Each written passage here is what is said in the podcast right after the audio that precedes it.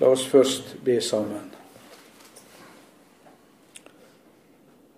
Vi takker deg, Herre og Frelser, fordi vi igjen er samla her om ditt ord. Fordi vi har det løftet fra deg at du er hos oss. Vi takker deg fordi at det er du sjøl som har bedt oss om å be til deg.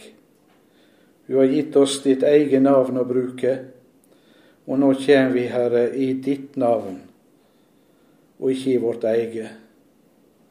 Vi spør etter deg, Jesus, etter di makt. Vi søker ditt åsyn. Vi er like hjelpeløse og avhengige av deg som vi noen gang har vært, og uten deg er det ikke håp for oss. Uten deg har vi inga redning, inga rettferd, inga frelse. Men nå vil vi takke deg fordi vi står heilage og ulastelige og ustraffelige for ditt åsyn, uansett hva vi kjenner og føler i oss sjøl i kveld. Nå, vi, nå ber vi deg, Herre, at du vil tale til oss gjennom ditt ord. Jeg ber om det for min egen del. La det ord som jeg leser og taler, Gå inn i mitt hjerte, Herre, og jeg ber at det må gå til deg som hører på. Jeg ber om å få være et redskap for deg, Jesus, for ditt ord. At det er du sjøl som får tale, og at du sjøl får trenert til oss, så er stunda lagt i dine hender. Amen.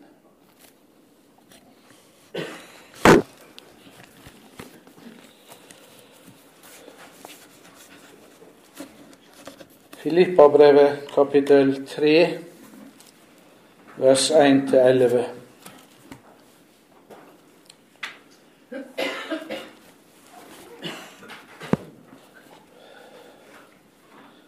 Ellers, brødrene mine, gled dykk i Herren. Jeg vert ikke trøtt av å skrive det samme om att, og for dykk er det så mykje tryggere. Hald auga med hundene. Hold auga med de vonde arbeiderne. Hold auga med de skamskårne. For det er vi som er de omskårne, vi som tjener Gud i Hans ande og roser oss i Kristus Jesus, og som ikke set vår lit til kjøt. Enda jeg saktens har det jeg kunne sette min lit til i kjøtet òg. Om noen annen mener å kunne sette i lite kjøt, så kan jeg det enda mer. Jeg er omskåren på den åttende dagen. Jeg er av Israels ett, av Benjamins stamme, en hebreer født av hebreere, i høve til lova en fariseer brennende av ihug etter å forfølge kyrkjelyen, lyteløs i rettferd etter lova. Men det som var ei vinning for meg, det har jeg for Kristi skyld halde for tap. Jeg held i sanning alt for tap av de kunnskapen om Kristus Jesus, min Herre, har så mye større verd. For hans skyld har jeg tapt alt. Jeg heller for skrap, så jeg kan vinne Kristus og verta funnen i Han, ikke med mi egen rettferd, den som er av lova, men den jeg får ved trua på Gud, rettferda av Gud på grunn av trua. Så jeg kan få kjenne Han og krafta av oppståa Hans og samfunnet med lidingene hans, idet jeg vert gjort lik med han i hans død. Om jeg bare kunne nå fram til oppståa fra de døde. Amen.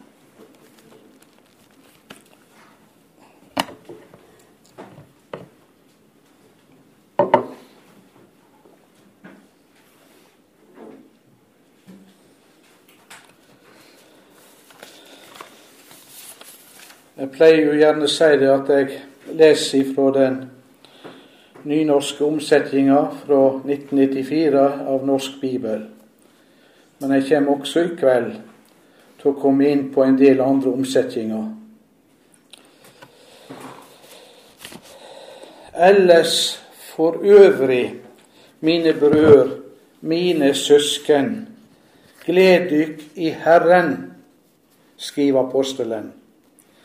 Det er ordet på gresk som står først her, og som er omsett med 'elles' eller 'for øvrig' og 'så', 'dessuten'. Det har ei ganske spesiell betydning i Guds ord og i apostelen sine skrifter. Det står som uttrykk for noe han legger spesiell vekt på, noe som har ei særskilt betydning, og som han vil understreke på en ganske spesiell måte. Det er noe som er viktig for dykk, mine kjære brød, mine kjære søsken. Gled dykk i Herren. Og i kapittel fire så sier han det igjen i vers fire. Gled dykk i Herren alltid. Atter sier jeg, gled dykk. Ikke i noe annet av apostelen Paulus sine brev blir det talt så mye om glede. Og ikke noe brev er så lyst som Filippa-brevet. Det er jo underlig menneskelig sett når vi tenker på hans trengsler. Han sitter i lenker, han er fange, han har ei uviss framtid. Han veit ennå ikke utgangen på sin sak, om det blir til liv eller død som vi så på i kapittel 1. Han har likevel det håp og den tru at det skal bli til liv, men hans stilling er ikke lett. Han har vært mistenkeliggjort av sitt folk, så mistenkeliggjort at jamvel de truende har vært mistenksomme overfor Paulus. Og det var ikke så opplagt at de skulle forstå at det var for Kristi skyld han var i lenker. Men det har nå gått godt, som vi skjønner av kapittel 1.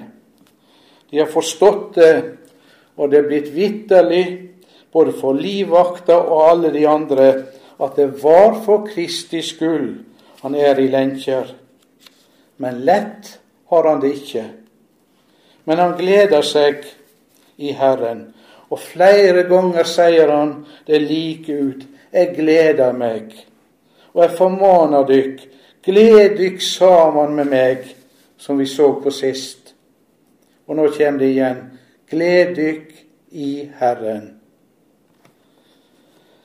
Vi skjønner nok av den måten apostelen sier dette på, at når han taler om å glede seg i Herren, så mener noe annet enn følelser. Vi kan ikke alltid føle oss glad. Ikke vil det være naturlig. Ikke vil det være sunt. Og ikke vil det være et godt tegn en gang alltid å føle seg glad. Nei, apostelen tenker på noe mye mer enn det å føle seg glad. Det er ikke mulig for et menneske å føle seg glad bestandig. Det er ikke mulig. Vi kan føle oss nedfor, og vi føler oss ikke opplagt, og vi føler ikke lett. Og det er mange vansker, og vår tid er full av ting som vil tynge oss ned. Og I tillegg kommer det at somme kristne har ganske spesielle plager. Det kan være anfektinger, angrep på trua, åndelig mørke, ting som kanskje ikke alle veit om og kjenner til, men som kan være svære for de som opplever det. Gled dykk i Herren. Det er vanskelig å få sagt dette her, men kanskje jeg kan bruke en liten illustrasjon fra gamle dager da folk reiste med Amerikabåten Det går vel ikke slike båter lenger. Tenk deg ei ung kvinne. Hun er om bord i amerikabåten og skal over til Amerika. Hennes forlovede er reist i forveien. Han har gjort det godt der. Han venter på henne. Hun skal over og gifte seg. De er veldig glad i hverandre, og hun gleder seg til å møte han igjen. Og så blir hun sjøsjuk. Har det vært sjøsjuke noen gang? Det er ikke behagelig, absolutt ikke. En uh, føler seg ikke mye glad da.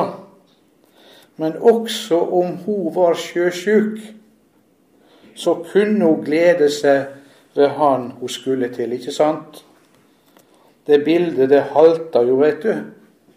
Det er forskrekkelig svakt også. Vi kan kjenne det så bakvendt og umulig. Men eh, gled deg i Herren, skriver apostelen. I Herren. Og i kapittel fire gled dykk alltid. Jeg har prøvd å stanse opp for dette her. Og så har jeg sagt til Jesus Jeg har sagt det høyt. Jesus, du er min glede. Nå ser det mørkt ut for meg. Nå har jeg vansker som jeg ikke veit hvordan jeg skal komme igjennom. Men Jesus, du er min glede. Du har kjøpt meg fri fra mine synder. Det sier ditt ord. Jeg kan ikke si at jeg føler det slik. Jeg føler meg aldeles dømt og anklaga av meg sjøl. Men Jesus, du er min rettferd. For Guds åsyn står jeg heilag og ulastelig og ustraffelig.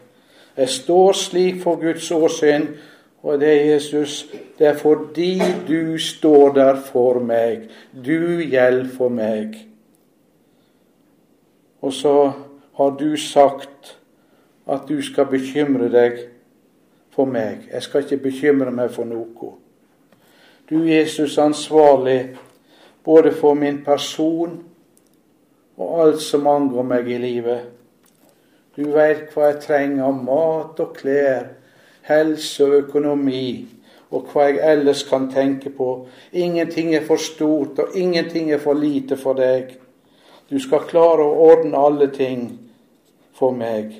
Du skal føre meg frelst gjennom verda, så jeg når målet. Det er ikke noe du ikke er, Jesus. Ja, slik kan vi tale med Herren, og det er å glede seg i Herren. Nettopp også når vi ikke er glade og føler oss glade. Når jeg tar dette fram, så er det alltid et minne eller ei lita setning som dukka opp for meg. Da jeg var student i Oslo på 70-tallet, så gikk jeg ofte turer sammen med Øyvind Andersen. Du vet jo, han var misjonsskolelærer på Fjelløy i 50 år. Han var blind, så jeg henta han òg. Det var andre studenter andre som gjorde det òg. Men jeg var iallfall en av de som henta han ofte i Grefsenveien husker ennå. Vefsenveien 34B. Ja, Jeg husker ikke akkurat etasjen der. Det var vel 4.-5. Jan, var det ikke det? 4. Jan. Så Jan husker det òg. Og så fulgte jeg han over fra Grefsenveien over til Sinsenveien, til Fjellhaug skole, der han underviste. Og jeg fulgte han også på flere av hans turer rundt i landet, enten det var bibelveker eller, eller sommerskoler, der Øyvind Andersen var taler. Vel, så var det på en av våre lørdagsturer fra Grefsenveien opp til Grefsenkollen og ned igjen. Det var en tur som tok noen timer. Og denne formiddagen husker jeg svært godt. Vi samtalte mens vi gikk der. Og så var det ei sak som var særlig tung for meg. Du får si det til Jesus, det òg. sa Øyvind Andersen til meg. Og for meg i den situasjonen så ble det som himmelriket på jord.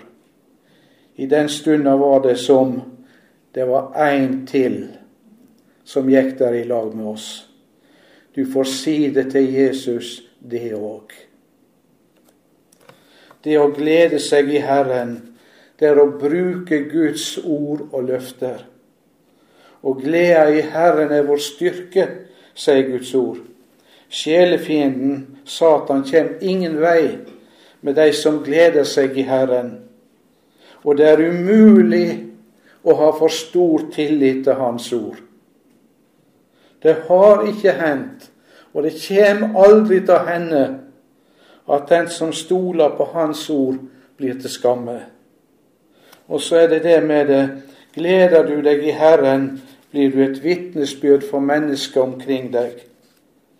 Gleder du deg i Herren, skaper du glede omkring deg. Du skaper frimodighet hos andre. Du skaper tillit til Jesus hos andre. Jeg blir ikke trøtt av å skrive det samme om at og for dere er det så mye tryggere. Egentlig for dere det er noe fast, sier apostelen videre her i vers 1. Nå er det iallfall to forståinger av den andre delen der av vers 1. Og de står ikke i noen motsetning. Jeg tror begge kan være med og utfylle hverandre.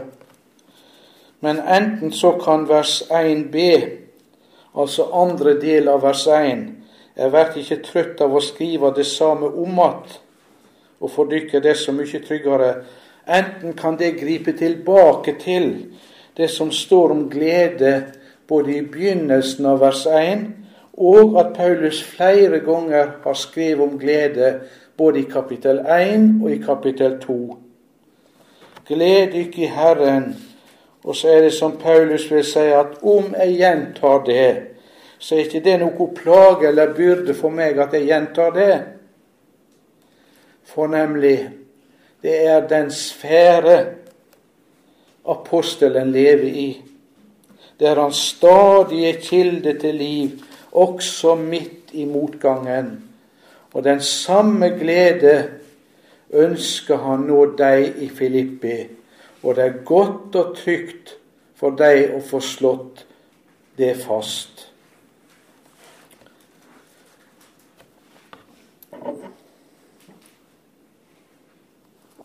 Det er som apostelen vil si til deg i Filippi.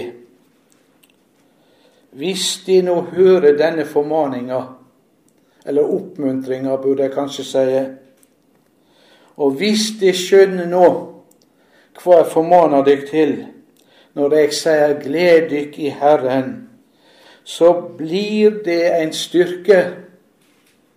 Så blir det en styrke som de ikke aner rekkevidde av. Det er det han vil slå fast.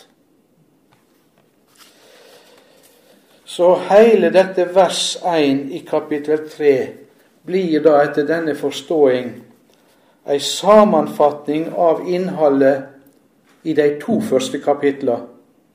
Tross fengsel og forfølginger, synder og falsk lære, er det alltid gleda i Herren som skal være grunntonen i kristenlivet, fordi Han har makta.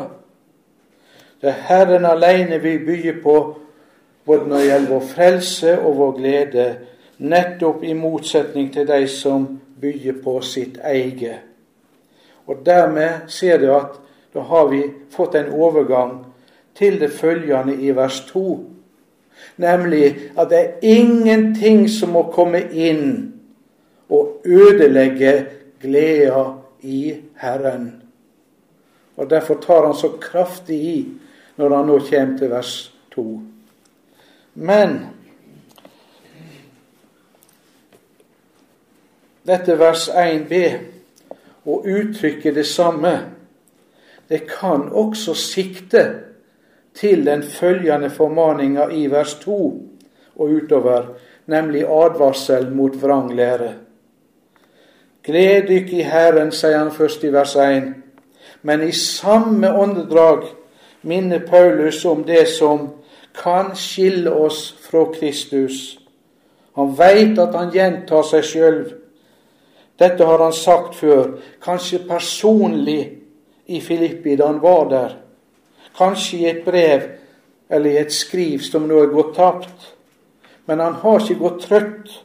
Han veit at det er best at han sier det igjen. Og så kommer da formaningene i vers to. Hold auge med, eller gi akt på hundene. Hold auge med de vonde arbeiderne. Hold auge med de skamskårne. Tre ganger har vi uttrykket 'hald auge med' eller 'gi akt på'. Og bare det må i seg sjøl betraktes som en advarsel. Det er ikke tale om tre forskjellige grupper, men om ei gruppe. I første omgang er det tenkt på ei form for judaisme, ei jødekristen vranglære, som bl.a. forkynte omskjæring og at en skulle overholde visse religiøse lover i Det gamle testamentet. De har vel ikke kommet dit ennå, men han advarer imot dem om de skulle dukke opp. Paulus kjemper mot den samme falske lære i Galaterbrevet, og judaisme har vært ei stor freisting for de eldste forsamlingene. Og disse judaistene skal vi straks si litt mer om. Men ordet her i Filippabrevet kan også gjelde andre enn judaistene. Hundene, hvem er det? Det er de som splitter Guds forsamling, som splitter Guds menighet. Han tenker på mennesker som fører inn vonde tanker. De har ei splittende virkning blant de kristne. De fører inn det som er vondt. Det er disse som blir kalla hundene. Hold auge med de vonde arbeiderne. Det er de samme mennesker. Det er med et annet uttrykk. Det er nyansering av, virk, nyansering av virkninger, altså, som de fører med seg de vonde arbeiderne, det betyr jo faktisk at de står i djevelens tjeneste når de blir kalt vonde arbeidere. Det som er vondt, er det som kommer ifra sjelefienden. Det som arbeider mot Gud. Ikke noe som kommer fra Gud, blir kalt vondt i Skrifta sin terminologi. Hold auge med de skamskårne. Bibelen 2011 De som skamskjer seg. Bokmålsbibelen fra 1930 De sønderskårne. Det er disse som snakker om omskjæringa, at de kristne var forplikta til å la seg omskjære. Det er judaistene da i første rekke. Og apostelen kaller dem de skamskårne, de som skamskjer seg. De er farlige for Guds forsamling. Og på gresk blir det her et ordspill som er lett å se. For nemlig ved deres krav om omskjæring, så skjer de båndet over mellom Kristus og seg sjøl. De skjer båndet over mellom Kristus og oss, og mellom kristne innbyrdes. Det er ei fornekting av Guds ubetinga nåde i Kristus. Og Guds ord taler svært alvorlig om det. Kjennetegnet på judaistene var at de roste seg jo av å ville tro på Jesus. De fornekta ikke evangeliet tilsynelatende, altså. Det er altså mennesker som på en måte bekjenner Jesus. Men du kan kjenne deg på det at vi sier jo, naturligvis skal vi tro på Jesus. Men jeg tar det med å tro på Jesus som noe sjølsagt som en kan gå ut ifra.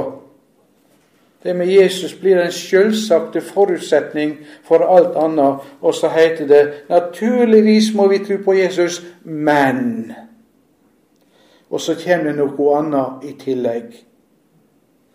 Og nå snakker jeg også om moderne galatere, som ikke akkurat har dette med omskjæringa de snakker om. Og de moderne galaterne er det mange av i dag. Det kan være forskjellige ting, og det er det i vår tid. Ting som på en måte kan ha heimel, hjemmel, i Guds ord, men som likevel det blir galt når det blir løsrevet fra sin sammenheng i Skrifta, og løsrevet fra sin sammenheng i kristenlivet, og framført på en måte som faktisk fører det hele i strid med Guds ord. Jeg har ikke lyst til å spesifisere det akkurat nå, men jeg vil bare gi dere oppmerksom på at når de møter denne ånd, denne tankegang Selvsagt må vi tro på Jesus, men så er det noe annet som en egentlig legger vekta på. Da er det fare på ferde. Vi har fått et kjennetegn, nemlig. Enten det nå er i møte med karismatikk eller andre ting. Når du hører noen si at vi må komme forbi dette med forsoninga og rettferdiggjøringa. Det er bra, det. Det er nødvendig, det sier de. Det hører jo med. Men vi må ikke stanse der. Vi må komme litt lenger. Så kan du si til deg sjøl den som sier det, er en løgner. Han er falsk. For det blir aldri sjølsagt å tro på Jesus. Aldri. Det veit vi fra Guds ord. Det mangler ikke på at mennesker kan være fromme og se gudfryktige ut, men hvis en sier det, så stemmer det ikke. Vers 3. Vi, og det skal leses med betoning, det. Vi, nemlig, står det aller først på gresk i den setninga. Vi er de omskårne sier apostelen. Og da tenker han på vi som er født på ny. Han bruker det samme bildet her i grunnen som i slutten av kapittel 2 i Romerbrevet. At ikke den er jøde som er det i det ytre, og ikke er det den omskjæring som skjer på legemet, det er tale om her men den er jøde som er det i det skjulte. Og den er omskåren som har fått sitt hjerte omskåret i anden, ikke i bokstaven. Og det er altså uttrykk for at den er født på ny. Uttrykk for et nytt sinn. Et nytt sinn som er født av Gud ved trua på Jesus. Vi som tror på Jesus, vi er de omskårne. Fordi vi tror på Jesus, fordi vi er rettferdige for Gud i Jesus, fordi vi har det nye sinn som er født i oss ved trua på Jesus. Vi er de omskårne. Vi som tjener Gud i Hans ånd. Det er Guds ånd som kommer i evangeliet. Det er Guds ånd som kommer inn i hjertet ved trua på evangeliet. Og Jeg kan bare henvise der til Galaterbrevet kapittel 3.1 og følgende. Den hellige ande kommer i hjertet ved trua på Jesus. Det er ved trua vi får Anden som er oss lovt, står det i Galaterbrevet 3.14. Vi som tror på Jesus, tjener Gud i Hans ånd. Og vi kan jo faktisk ikke tjene Gud uten ved Den hellige ande. Vi kan ikke gjøre noe for Gud ut fra våre naturlige forutsetninger, slik som vi er i oss sjøl. noe som Gud kan godta. Men den som er født av Gud, kan stå til hans disposisjon av tjeneste. Jamvel om vi har det gamle mennesket i oss ennå, så får vi tjene Gud i Hans ånd. Og i Guds ånd får vi lov å vandre i gjerninger som Gud på forhånd har lagt ferdige for oss i Kristus. Vi er, skrapt, vi er skapt i Kristus Jesus til gode gjerninger for at vi skal vandre i dem. Er i Efeserbrevet er sagt i kapittel 2. Og så roser vi oss i Kristus Jesus, skriver apostelen. Vi roser oss ikke av våre gjerninger. Vi roser oss ikke av at Gud bruker oss. Og vi roser oss ikke av resultat. Vi roser oss heller ikke av våre opplevelser. Vi roser oss i Kristus Jesus. Apostelen Paulus taler ofte om det å rose seg i Herren. Og Rent prinsipielt har vi jo et ord om det i 1. Korinterbrev 1, 30 og 31, uten at jeg sier mer om det nå. Men så står det videre i vers 3.: Vi set ikke vår lit til kjøt Bibelen 2011 sier det ytre, men uh, ordrett så står det på gresk det er sarks, kjøt, og det kan jo ha flere betydninger. I apostelen Paulus sine skrifter så har det ordet sarks, som er oversatt med kjøt, det har iallfall seks-sju forskjellige betydninger i hans skrifter.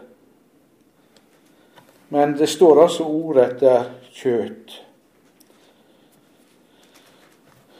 Det betyr altså ikke det syndige kjøtt. Det betyr ikke en syndig natur, men det betyr menneske, rett og slett. Bibelen 2011 har det ytre. Vi setter ikke vårt li, vår lit til oss, det vi er som menneske. En kan jo ikke i noe tilfelle sette sin lit til det naturlige mennesket, til det gamle mennesket, til synder. Så en skjønner jo det at den betydningen er jo utelukka her. Det går jo ikke. Men rent menneskelig kan det jo være mange verdifulle ting som Gud har virka i et menneske, slik at en kunne jo ha noe å rose seg av som menneske. En kunne vel kanskje ha noe å sette, sette seg lit til også som menneske. Det er det apostelen har i tanken nå. Og det ser de også av fortsettelsen her i vers 4. For når taler apostelen om forskjellige menneskelige ting som han kunne rose seg av, og som er reelle. Det er helt reelle ting han snakker om nå. Jeg har det, sier apostelen, som jeg kunne sette min lit til også i kjøtt Bibelen 2011 ytre sett. Og da tenker apostelen på det han har vært som menneske. Om noen annen mener å kunne sette sin lit til kjøtt, lite på det ytre, så kan jeg det enda mer. Ingen av de som roste seg overfor Paulus, hadde tilnærmelsesvis det å rose seg av som Paulus hadde vers 5. Jeg, sier han, er omskåren på den åttende dagen. Jeg er av Isers ett, av Benjamins stamme. Det er en av de mest framtredende og mest anerkjente stammene. Det var i ære å tilhøre Benjamins stamme. Og Apostelen nevner det som noe som han menneskelig sett kunne ha å rose seg av en hebreer av hebreere, og forlova en fariseer. Og det vil ikke si så ganske lite. Å forlova en fariseer. Det var ikke så mange som var det. Og de kaller seg ikke fariseere for ingenting. De hadde sannelig sett noe inn på det å konsentrere seg om Guds ord og de hadde gått inn for å leve etter Guds ord. Og så var jo Paulus ikke bare en fariseer, han var også en skriftlærd. Og det sa jo enda mye mer enn å være en fariseer. Så det er altså reelt når han sier at han som menneske har det som han kunne rose seg av. Og så har han i nidkjærhet, ut fra de forutsetninger som han levde under, vært en forfølger av menigheten, vers 6. Så lenge som han trodde og mente seg å være overbevist om at de kristne var farlige, så slår han seg ikke til ro med noe mindre enn å forfølge dem og prøve å få rydde dem av veien. Det viser jo hvor nidkjær han var. At den nidkjærhet som han sjøl sier i Romerbrevet kapittel 10, ikke var med skjønnsomhet, ikke var med den innsikt som Guds ord gir, det er en annen sak. Og i rettferd, står det, etter lova ulastelig. Hva betyr det? Ja, Det betyr at han innretter sitt liv slik etter Guds bud og forbud at ikke noe menneske kunne finne noe å utsette på ham, menneskelig sett. Om vi hadde hatt framfor oss Paulus her som fariseer, så var det ikke én av oss som hadde vært i stand til å finne et eneste punkt i hans liv der vi kunne si der var det en svikt, Paulus. For han var ulastelig etter lova menneskelig sett. Jo, han hadde det han kunne rose seg av. Hvis det hadde betydd noe. Men, sier han i vers 7. Og der skal du merke deg at dette er 'men' som står her på gresk, Allah. Det betyr men derimot. Tvert imot. Det viser altså til det store vendepunktet i Paulus sitt liv. I skarp motsetning til det. Men det som var meg ei vinning, altså menneskelig sett, det har jeg for Kristi skyld halve for tap. Og slik er det også for en kristen. Det som er ei vinning, vinning menneskelig sett, hjelper oss ikke i vårt gudsforhold. Det hjelper oss ikke i vårt kristenliv. Og det hjelper oss ikke i vår gjerning for Herren. Det hjelper oss ikke når det er spørsmål om å vinne andre mennesker. Gud kan ikke bruke deg som er noe i seg sjøl. Det har han aldri gjort. Og det er jo merkelig hvor Gud må gjøre oss hjelpeløse for å kunne bruke oss. Av og til ser det ut som at han må bruke et helt liv for at han skal få oss dit. Men da bruker han oss. Det som var ei vinning menneskelig talt, og det var ikke så lite for Paulus sitt vedkommende, som sagt. Det har han for Kristi skyld akta for tap. Da han møtte Jesus, da opplevde han at alt det han hadde sett sin lit til, alt det han hadde regna med, det var fullstendig verdiløst overfor Gud. Han hadde i rettferd menneskelig sett etter lova men den hadde ingen verd for Gud. Det er ikke bedre med vår menneskelige rettferd etter lova enn at vi må bli frelst fra den. Skal vi mennesker bli frelst, må vi bli frelst fra det beste i vårt liv. Det er nok å se på det. Om vi kunne tenke oss den mulighet at vi skulle komme fram for Guds åsyn bare med det beste, og at vi fikk se bort fra alt annet og komme bare med den beste gjerning i vårt liv, ville det være nok til å gå fortapt. Gud kan ikke godta den. Det er ikke noe som holder mål for Guds ansikt. Apostelen skjønte det ikke før han møtte Jesus. Og mennesker skjønner det vel ikke før de står ansikt til ansikt med at Gud er en heilag Gud. Det som var meg ei vinning, det har jeg for Kristi skyld halde for tap.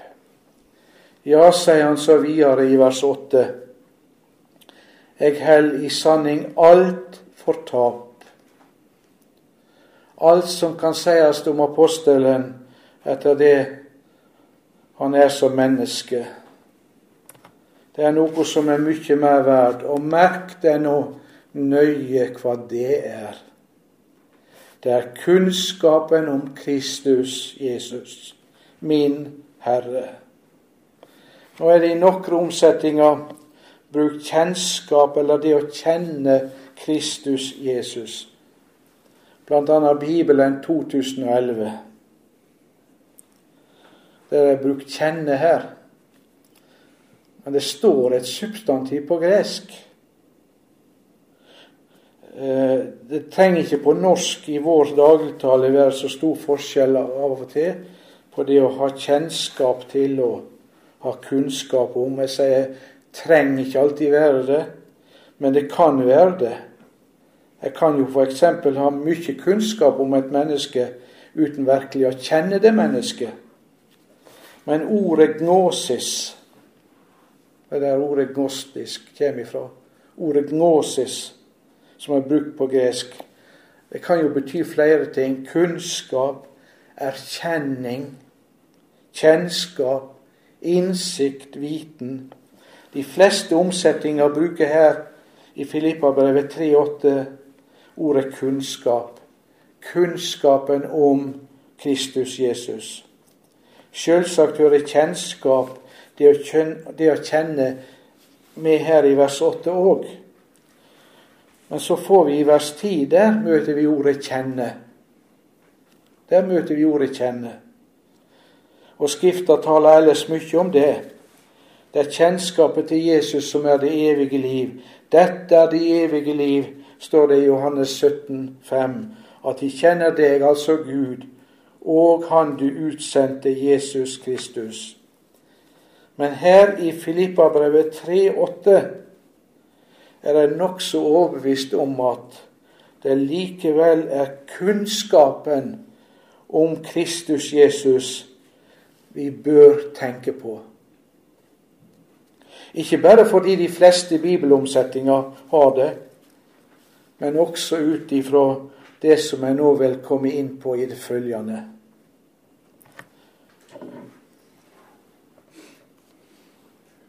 Vi har lett for å akte kunnskapen ringe. Og noen sier det er jo bare kunnskap, og så føyer de til det er bare teori.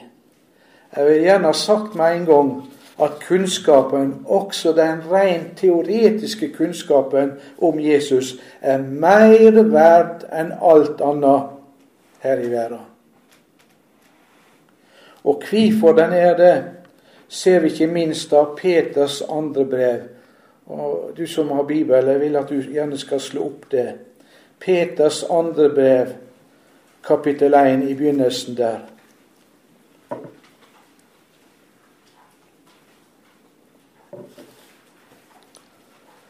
vers 3 og vers 4. Da Hans guddommelige makt har gitt oss alt som tjener til liv og gudsfrykt, ved kunnskapen om Han, som har kalla oss ved sin egen herligdom og styrke, og gjennom dette har gitt oss de største og dyreste lovnader, løfter altså, så det ved deg skulle få del i guddommelig natur. Her er det tale om en kunnskap vi har fått. Det står kunnskap, altså noe en veit. Og så står det at alt som tjener til liv og gudsfrykt, det er gitt oss ved denne kunnskapen om Jesus. Og i denne kunnskapen har Gud gitt oss de største og dyreste løfter for at vi ved dem skulle få del i guddommelig natur, og det er jo ikke noe annet enn å bli født på ny. Kunnskapen om Jesus inneholder alt det som et menneske trenger for å bli frelst. Den inneholder alt det som et menneske trenger for å lære Jesus å kjenne. Så er det noen som sier jeg har vært blant deg sjøl, så jeg veit hva jeg snakker om nå. Ja, men dette med Jesus er visst bare en kunnskap. Det er jo bare teori for meg, dette her. Jeg veit jo dette om Jesus, sier de. Da kan vi svare Det skal du være glad for om du veit det. Jeg er ikke sikker på at du veit det så godt som du sjøl tror at du veit det. Det er jeg ikke sikker på, og kan hende det ennå for så vidt bare ligger i det intellektuelle plan hos deg. Men det er ingen død kunnskap, må du aldri si om kunnskapen om Jesus. Det er ingen død kunnskap. Om det foreløpig er en teori for deg, og om det er en kunnskap, så skal du takke Gud for den teorien og den kunnskapen. For i den kunnskapen om Jesus som Gud har gitt deg, i det som du veit om Jesus, så vil du finne alt som tjener til liv og Guds frykt. Det er en kunnskap som har det evige liv i seg. Når du nå først er i 2. Peters brev, se også vers 18. 2. Peters brev 1,18. Og dess fastere, vi, dess, og dess fastere har vi profetordet, som de gjør vel i å akte på. Det er som ei lampe som lyser på en mørk stad, til dagen lyser fram, og morgenstjerna går opp i hjertet dykkar. Morgenstjerna er ikke så lett å få øye på den på våre breddegrader.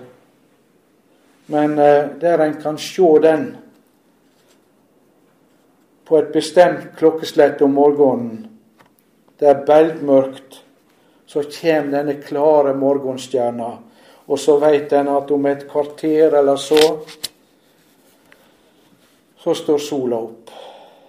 Morgenstjerna går opp, så begynner det å lysne, og etter ei kort stund så er plutselig dagen der. Sola er kommet. Vi har fått et profetisk ord. Ord om Jesus, kunnskapen om Jesus. Og den skal vi gjøre med, som det står her, den skal vi gjøre med som en gjør når det er mørkt i et rom. En tar lampen med seg inn der det er mørkt. Og den mørke staden, det er ikke minst våre hjerter slik som de er av naturen. Men så tar en lampen med seg inn der. Og så begynner det å demre. Så held vi på med det inntil dagen lyser fram. Og morgenstjerna går opp i våre hjerter. Morgenstjerna, det er jo Jesus, det. Og så er plutselig dagen der. Altså, det varsler også hans komme, at hans gjenkomst ikke er langt unna. En skal ta Guds ord inn i hjertet. Gjøre akkurat det motsatte av det en tidligere har gjort. En har ikke vågd å tru Guds ord, fordi en mente det at en mangla jo all oppleving, eller hva det nå måtte være. Så er altså sanninga den at det er nettopp grunnen til at en skal ta til seg Guds ord, fordi det er mørkt der inne.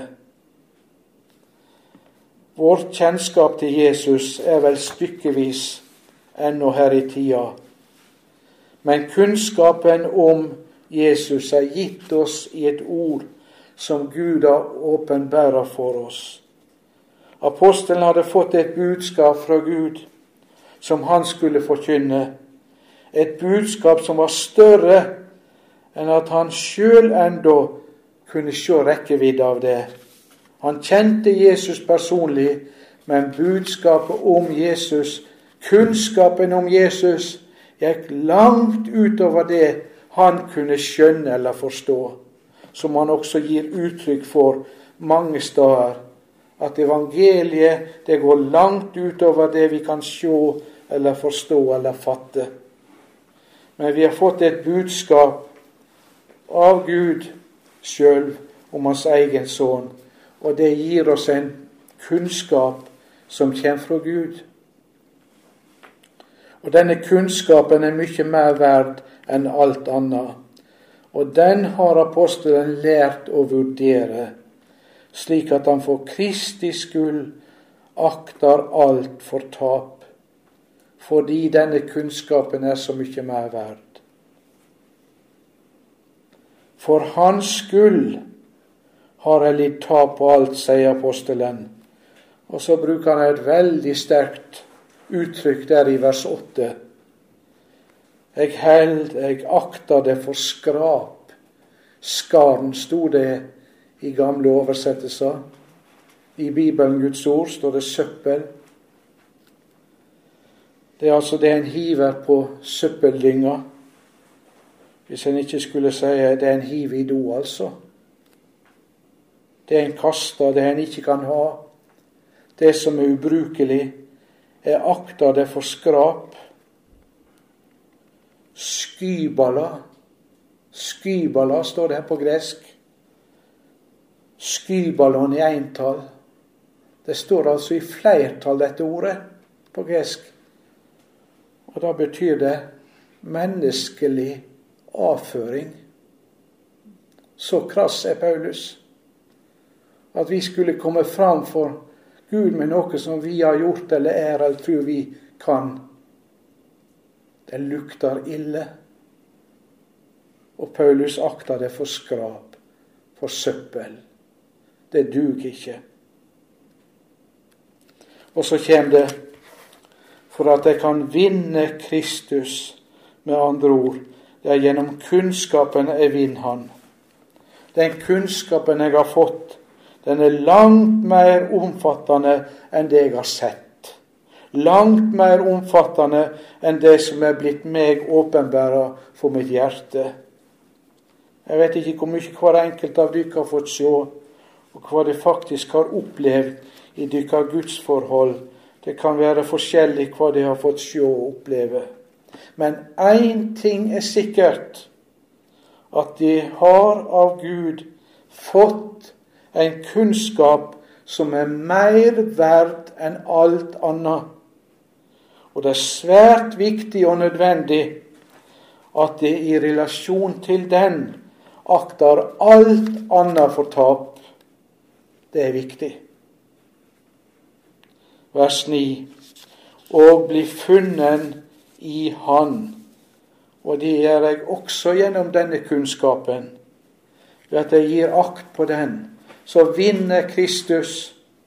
Og vinner Han stadig på nytt og på nytt. Og så blir jeg funnet i Han. Det er Gud sjøl som har plassert oss i Jesus ved trua på evangeliet. Det er Gud som plasserer meg der. Så blir jeg funnet i Han ikke med mi egen rettferd, den som er av lova. Altså ikke med noe jeg har vært eller jeg har gjort, og heller ikke med noe av det som Gud skulle hjelpe meg til å bli. Det høres jo så fryktelig pent og fromt ut. Vi kan ikke noe av egen kraft. Men så skal, Gud, så skal nok Gud hjelpe oss til å bli både det ene og det andre, da. Nei, nei, nei, det holder ikke. Det er ikke ei rettferd som beror på mine gjerninger, men den som en får, står det. Det er en gave. En får den ved trua på Kristus. Det er rettferda av Gud på grunn av trua. Og det står med betoning på gresk. helt ordrett 'den av Gud rettferda'. Altså ei rettferd som er av Gud. Den har sitt opphav i Gud. Den er gitt meg av Gud som ei gave. Den gjelder for Gud. Rettferda av Gud på grunn av trua. På grunn av ved at vi tar vår tilflukt til Jesus, eier vi den. Og der har vi vår ære og vår ros. Der har vi det som er vår vinning. Og ut fra det er det at apostelen så fortsetter i vers 10.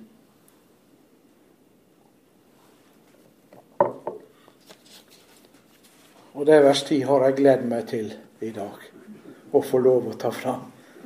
Jeg må nesten være så personlig at jeg sier det. Jeg har gledd meg til å ta fram det som kommer nå.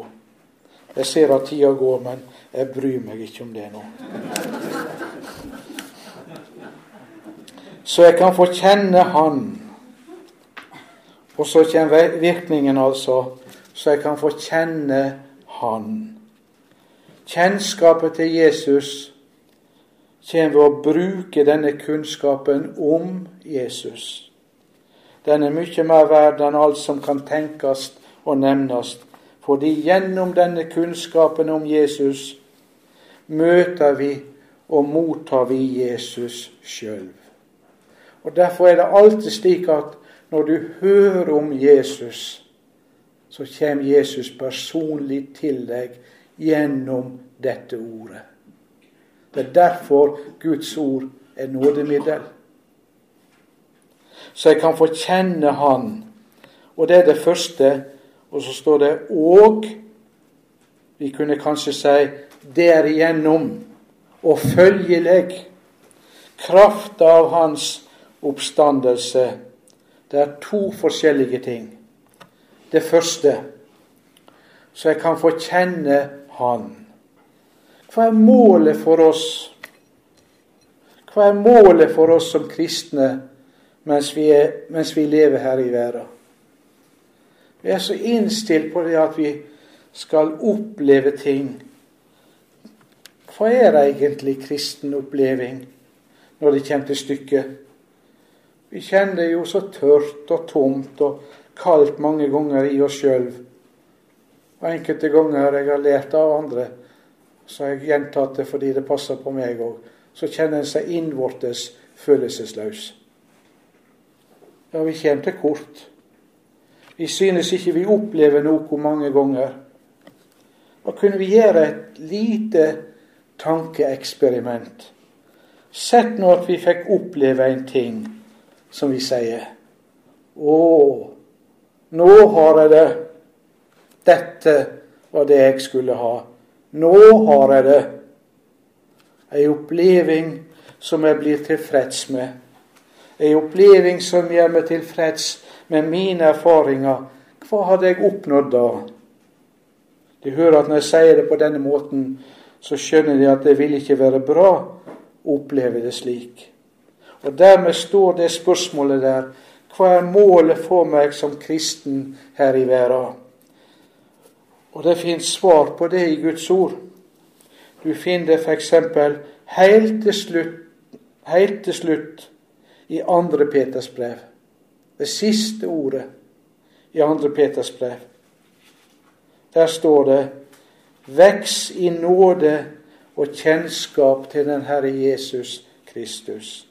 For å si det kort målet for meg som kristen er å få kjenne Han. Kjenne Jesus. For jeg kjenner Jesus, da er jeg samtidig kjent av Han. Det er to uttrykk for samme forhold.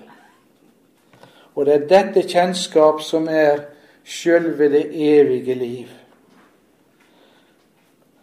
Det er ikke det at jeg veit noe om Jesus bare, men jeg kjenner Han.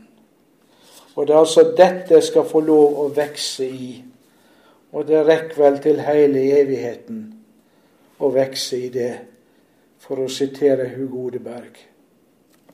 Det å kjenne Jesus, det er noe ufattelig. Det er sjølve det evige liv.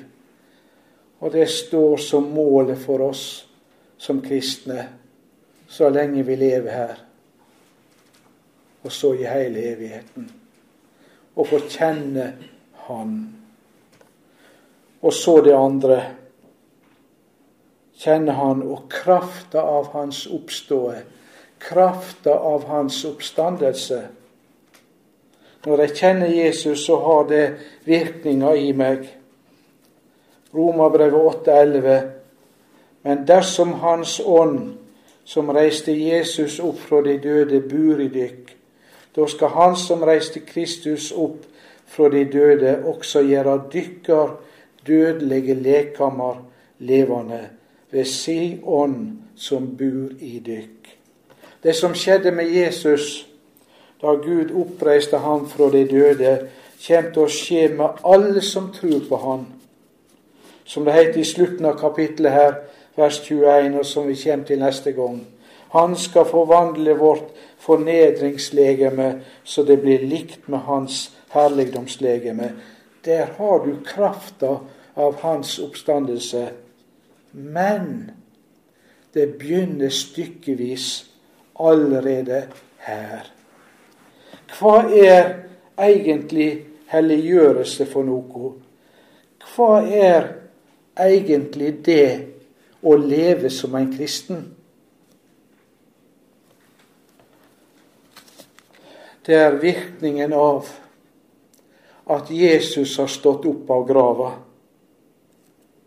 Det kommer et nytt liv i mitt hjerte fordi jeg kjenner Jesus så jeg kan få kjenne Han og kraft av Hans oppstandelse. Det som er helliggjørelse, er ikke en forbedring eller omskaping av meg og min natur, som jeg er født med etter syndefallet, men det er et nytt liv i meg. Og det har jeg altså snakka om før, bl.a. i kapittel 2. Det er det sinn som er i Jesus, som er i oss. Det er det samme det er tale om nå bare at her er synspunktet dette kjem i meg fordi Jesus er stått opp fra de døde. Apostelen er også inne på det samme i Romerbrevets sjette kapittel, og slå opp nå et lite øyeblikk. Romerbrevet kapittel 6 og vers 5.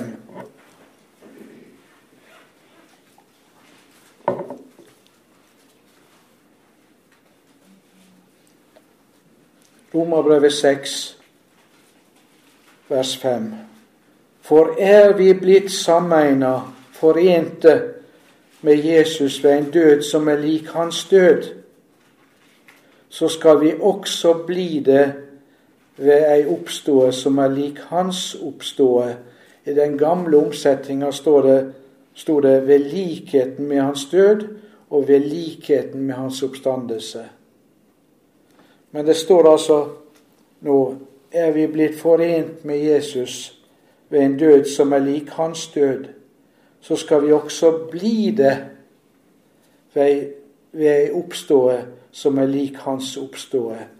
Det kan se ut som det er noe framtidig, så skal, så skal også vi bli det.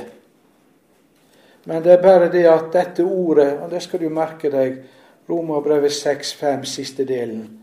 Det er bare det at etter grunnteksten sin språkbruk så betyr det at den prosessen, den har begynt her og nå.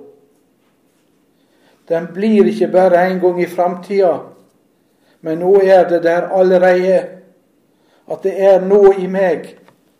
Og det er det som er mitt nye liv.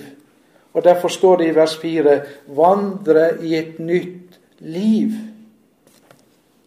Som altså ikke bare er en ny livsstil, en ny måte å leve på, men det er det at jeg har fått et nytt livsinnhold. Og merk deg, for det er det som er i Jesus. For det som er i Jesus, og det som er virksomt i Jesu oppstandelse, det er her i tida begynt å bli virksomt i meg fordi jeg kjenner Han, altså. Jeg skal gjenta det. For det som er i Jesus, og det som er virksomt i Jesu oppstandelse, det er her i tida begynt å bli virksomt i meg, fordi jeg kjenner Han. Og så fører det med seg at så får jeg samfunn med Han i hans lidinger, lidelser. Det har ikke noe med det å gjøre at vi skulle lide for våre synder. Å bringe den tanken inn ville fullstendig avspore alt. Da Jesus døde for våre synder, var han helt alene om det. Det var ikke noe menneske som kunne lide for våre synder uten Jesus alene. Men vi deler kår med Jesus. Når vi kjenner Han, og samfunnet med Han er begynt, så er det et samfunn med Hans lidinger. Det er et lidingskår, et lidelseskår for den som er en kristen. For det første er det jo dette som vi har i forbindelse med Romerbrevet 8,17. Så sant vi lir med Han, så skal vi også bli herliggjort med Han. Og det kan ikke bli noe annet enn et lidelseskår for en kristen, fordi Jesus aldri er blitt godtatt eller er blitt anerkjent her i denne verden. I Johannes 15, 19 og 20, Johannes 15, vers 19 og 20, har de forfølgt meg, skal de også forfølge dykk, sier han. Og kom det ordet i hug som er satt til dykk, en tjener er ikke større enn sin Herre. Og vilkåret for oss som kristne her i verden er det som Jesus sier, var de av denne verden, da ville verden elske sitt eget. Men fordi de ikke er av denne verden, men jeg har utvalgt dykk, derfor hater verden dykk. Og Johannes 17, vers 14. Jeg har gitt deg ditt ord, og verden har hata deg.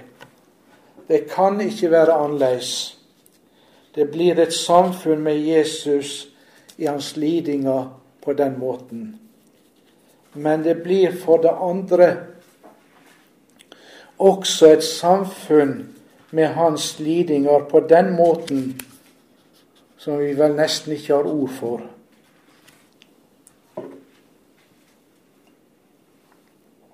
Jeg tenker på det som står i Kolossabrevet 1.24. Vi kommer på en måte til å utfylle i vårt kjøtt det som ennå mangler i Kristi lidinger. Et underlig ord. Nemlig når det gjelder andre menneskers frelse. Fordi vi hører Jesus til, blir det ei liding for oss at andre mennesker ikke er frelst. Og det merker du særlig godt når noen av våre næreste går bort, og vi ikke veit hvordan hadde de det med Gud. Da merker du dette.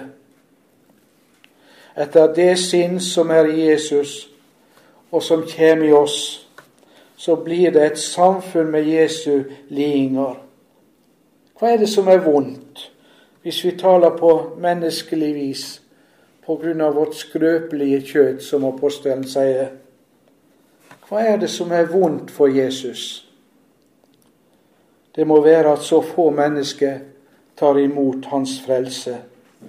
At så, mange, at så mange mennesker som han er død for, som han har gitt sitt liv for, liv for, blir værende utenfor den frelse som ligger ferdig for deg. Og det blir framfor alt ei liding for den som kjenner Jesus. En får det i seg at en kunne ha lyst til å rope ut til hele menneskeslekta Ser det ikke? Skjønner de ikke hva Gud har gitt oss til frelse? Det er jo dette som er misjonskall.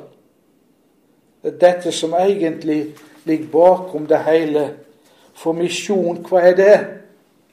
Det er at Jesus skal få se frukt av sitt fullbrakte verk på korset. Derfor lever vi her i verden.